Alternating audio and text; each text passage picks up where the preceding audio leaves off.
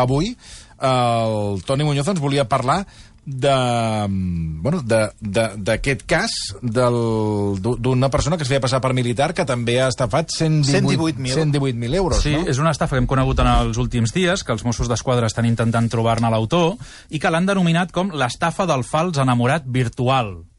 És a dir, seria un cas semblant, similar al que estava explicant el Guillem, però que no s'haurien vist mai, sinó que l'estafador actua a través d'internet.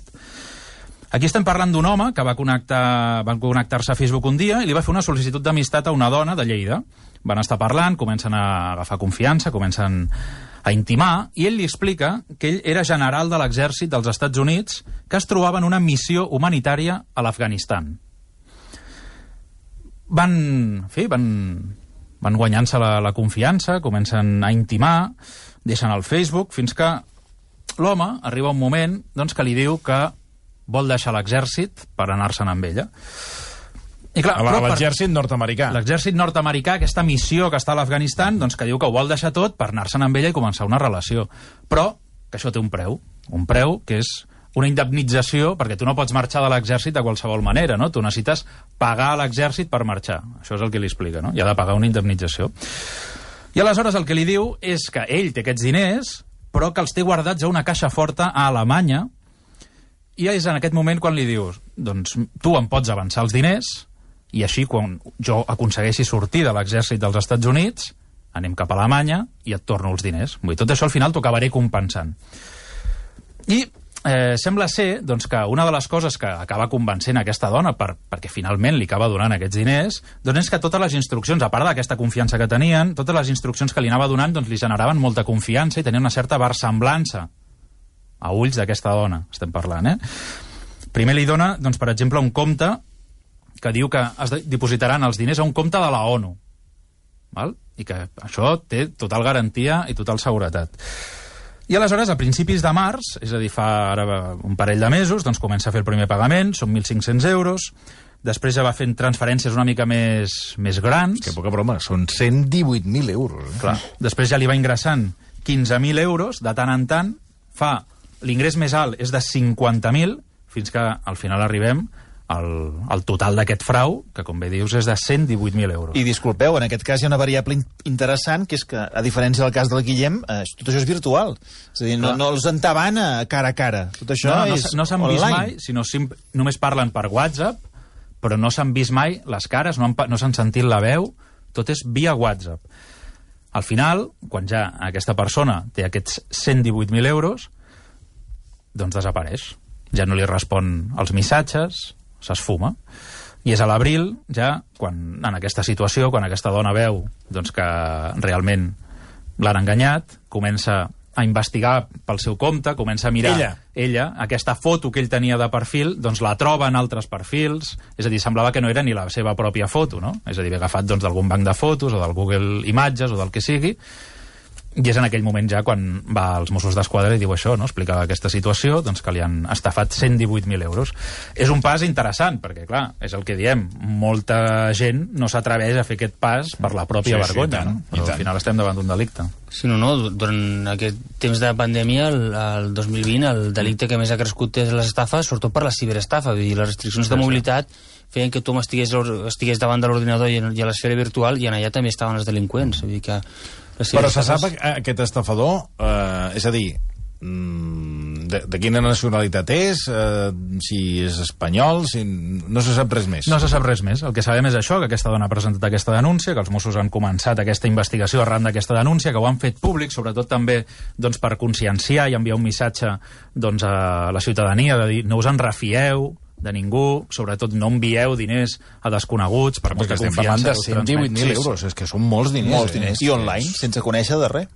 Clar, sense conèixer, però és això, no? És a dir, quina és la barrera de la coneixença o la, o la no coneixença? No, no, hi ha eh, gent que escri escrivint-se no? només eh, per WhatsApp dedueix que ja té una gran confiança no? amb, una altra persona. Clar, no? I que moltes vegades sí que s'han donat relacions, no? Només, és a dir, que al final sí que arriben a... Sí, sí, tothom. A, bueno, acaben en- culminant, En, en conec no? unes quantes, sí. no? sí. que acaben culminant, Sí, però... Sí, sí. No, no. O sigui, dir, que clar, es van conèixer per internet, eh, quan, quan abans era una cosa excepcional, ara hi ha molta gent que s'ha conegut, i després la, ha fraguat la, la, bueno, no, la, la relació, no? Però clar, Clar.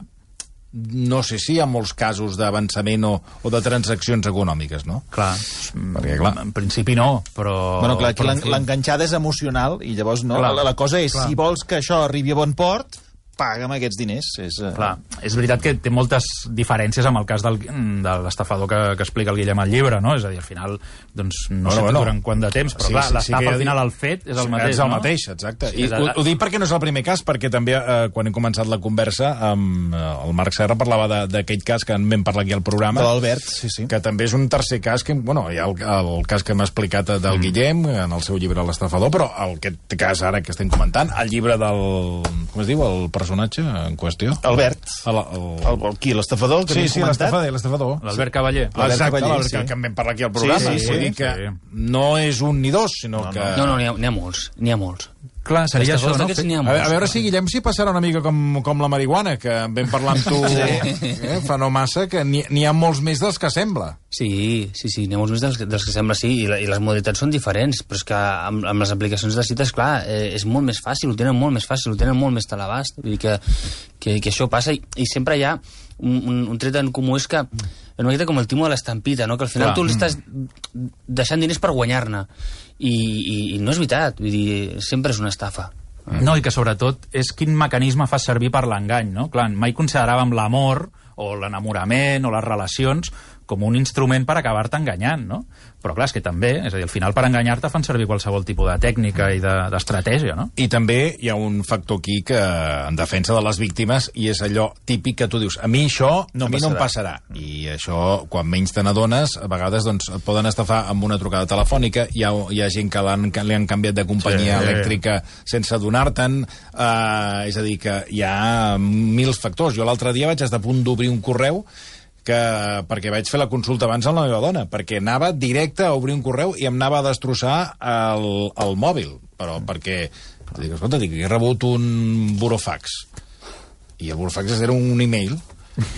I vaig estar, però a un segon, però en aquell moment, eh, no sé quin... Ara jo, que, que arribes WhatsApp, eh, arriba, t'arriba un WhatsApp, i llavors vaig, vaig deixar-lo i vaig començar a contestar altres WhatsApps. I, i, llavors vaig pensar, Espera. deixa'm preguntar quan arribi Sí. a casa si els burofax s'envien per email.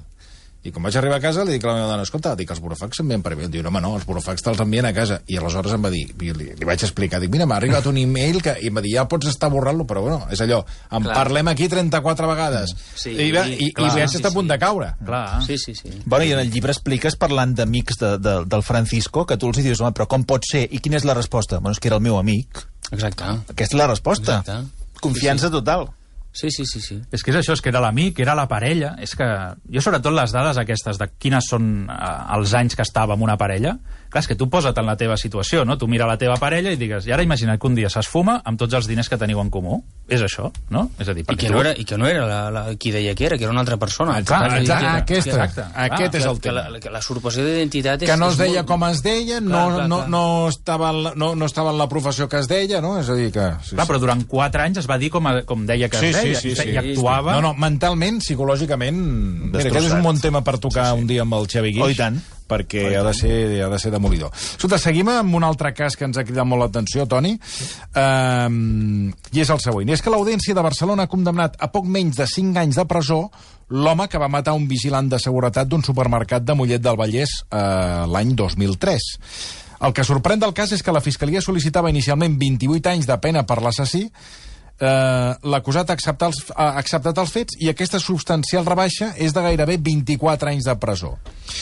Eh, Explica'ns una mica com, com, com s'ha d'entendre això, perquè clar, això la ciutadania costa d'entendre, no? Sí, primer, aviam, primer explico quin és el Sí. cas i després explico com ha acabat, perquè avui he fet unes quantes trucades al respecte, perquè clar, és la gran pregunta que ens fèiem tots, no? Sí, sí. Com pot ser que una persona que li demanaven 28, 28 anys de presó... passi a cinc. Passi a 5. Bueno, de fet, són una mica menys, són 4 anys i 11 mesos. Vull dir que no són ni els 5. El que va passar és, això és l'any 2003, tres persones doncs, d'una banda de, de lladres van robar un cotxe Opel Kadett a Mollet de, del Vallès, estem parlant de l'any 2003, per tant l'Opel Kadett tampoc no estava tan desfasat com ara, podríem dir. Van treure el tornavís, van obrir la porta, van fer un pont, van engegar el cotxe i es van dirigir cap a un supermercat esclat de Mollet. Allà van entrar cridant aquests atracadors, portaven un ganivet que es van dirigir ràpidament cap a les caixeres, les van amenaçar amb aquest, gavi, amb aquest ganivet i els van demanar la, la recaptació. Es van endur 1.028 euros. Aquesta acció, aquesta entrada, no? aquesta irrupció d'aquests eh, assaltants en aquest supermercat va generar un gran enrenou, corredisses dins del supermercat, i això va fer doncs, que el vigilant de seguretat doncs, s'acostés cap allà a veure què és el que estava passant. Però no va tenir temps de reaccionar que un dels assaltants li va clavar un cop de puny que el va deixar estabornit a terra, li va treure la porra, el van començar a colpejar i a tonyinar, fins que un dels assaltants, eren tres, doncs un d'aquests, aquest ganivet que havia fet servir per amenaçar les caixeres, l'agafa i comença a cosir-lo a ganivetades amb aquest... Eh, Vigilant. Vigilant. Però el més sorprenent de tot és que quan ja enfilaven eh, la porta de sortida del supermercat aquests assaltants, un d'aquests lladres torna cap enrere, torna a agafar el ganivet i li segueix i el segueix cosint a ganivetades amb aquest vigilant que poc després acaba morint. Aquell crim, doncs, eh, tan cruel, passa molts anys que no, que no es pot identificar els autors. No, se sap, no es pot identificar qui són aquells tres assaltants. Els Mossos d'Esquadra, això sí, l'any 2015, amb les noves tècniques de l'ADN, aconsegueixen extreure una mostra que els dirigeix cap a una persona i l'acaben detenent. Sembla ser doncs, que un dels assaltants havia deixat un buf durant aquell assalt, això ho havien mantingut allò com a prova, però clar, l'any 2003 les tècniques de l'ADN no eren tan sofisticades ni estaven tan avançades com ara. I 12 anys després, el 2015, aconsegueixen extreure una mostra d'ADN. I els porta cap a una persona, que és l'acusat d'aquest judici, el detenen i entra a la presó. Per tant, ja tenen doncs, eh, el suposat automaterial dels fets. Però 11 mesos després, aquesta persona queda en llibertat per ordre del, del jutjat mm. fins que se celebri el judici. I per, per tant, què? Bueno, perquè eh, el, seu, el seu advocat va aconseguir generar dubte de que potser ell no era l'automaterial dels fets. Ja. És veritat que en el BUF l'ADN majoritari que, van, que van trobar era d'aquesta persona, però n'hi havia d'altres. I aleshores, amb això, hi havia fins a 5 mostres diferents d'ADN. Mm. I gràcies a això van poder generar aquest dubte. Total, que al final arriba aquest cas a judici l'any sí. 2021, aquesta, pròpia, aquesta mateixa setmana, en la qual doncs, arriben a un acord el fiscal i, i el propi, la pròpia defensa perquè consideren cap de les dues parts té molt clar que pugui arribar a guanyar.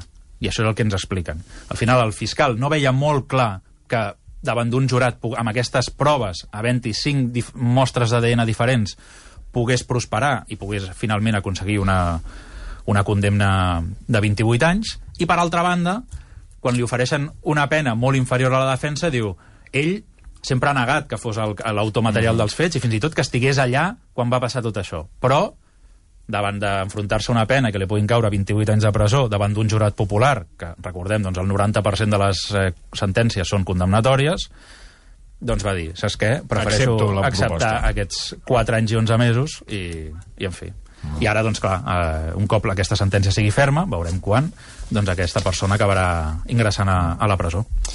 Doncs escolta, eh, ho hem de deixar aquí. Eh, ens quedem amb aquest llibre, L'estafador, editorial Península, del Guillem Sánchez. Guillem, moltíssimes gràcies. A vosaltres. Molt bona feina. Esperem que les víctimes, en fi, mm, es treguin aquest, aquesta, aquest pes de sobre. No, no, no crec que ho hàgim aconseguit, però almenys, mira, el llibre és un intent de, de treure's de sobre Totalment. Aquesta... Estigmatització. Aquesta, sí, sí. I aquest, aquest sentiment de, de, de culpabilitat, no? I Toni Muñoz, també moltíssimes gràcies per a la proposta, eh, per acostar-nos al, al És que és un gran llibre, eh, la veritat. Jo el recomano molt, sobretot per això, sí. perquè et posa davant d'una realitat que moltes vegades no coneixem, no? i que dius, ostres, però això, això està passant, això sí, passa, sí. passa aquí al costat de casa. De fet, mira, hi ha una cosa que no hem comentat, mm. però Saps on el detenen, el, el Francisco Gómez Manzanares? A la ciutat esportiva del Barça. Saps que la setmana passada vam parlar que va ser escenari d'un altre sí, sí, fet sí, truculent? Sí. Mm -hmm. Doncs eh, el detenen allà, perquè precisament no sé si anava a fer alguna cosa... Havia quedat amb una de les dones a les que volia fer creure que era... Veus? Aquesta ciutat sí. esportiva... Escolta, dona, dona per és molt, perquè feu un altre llibre, perquè dona, dona, per, dona per molt.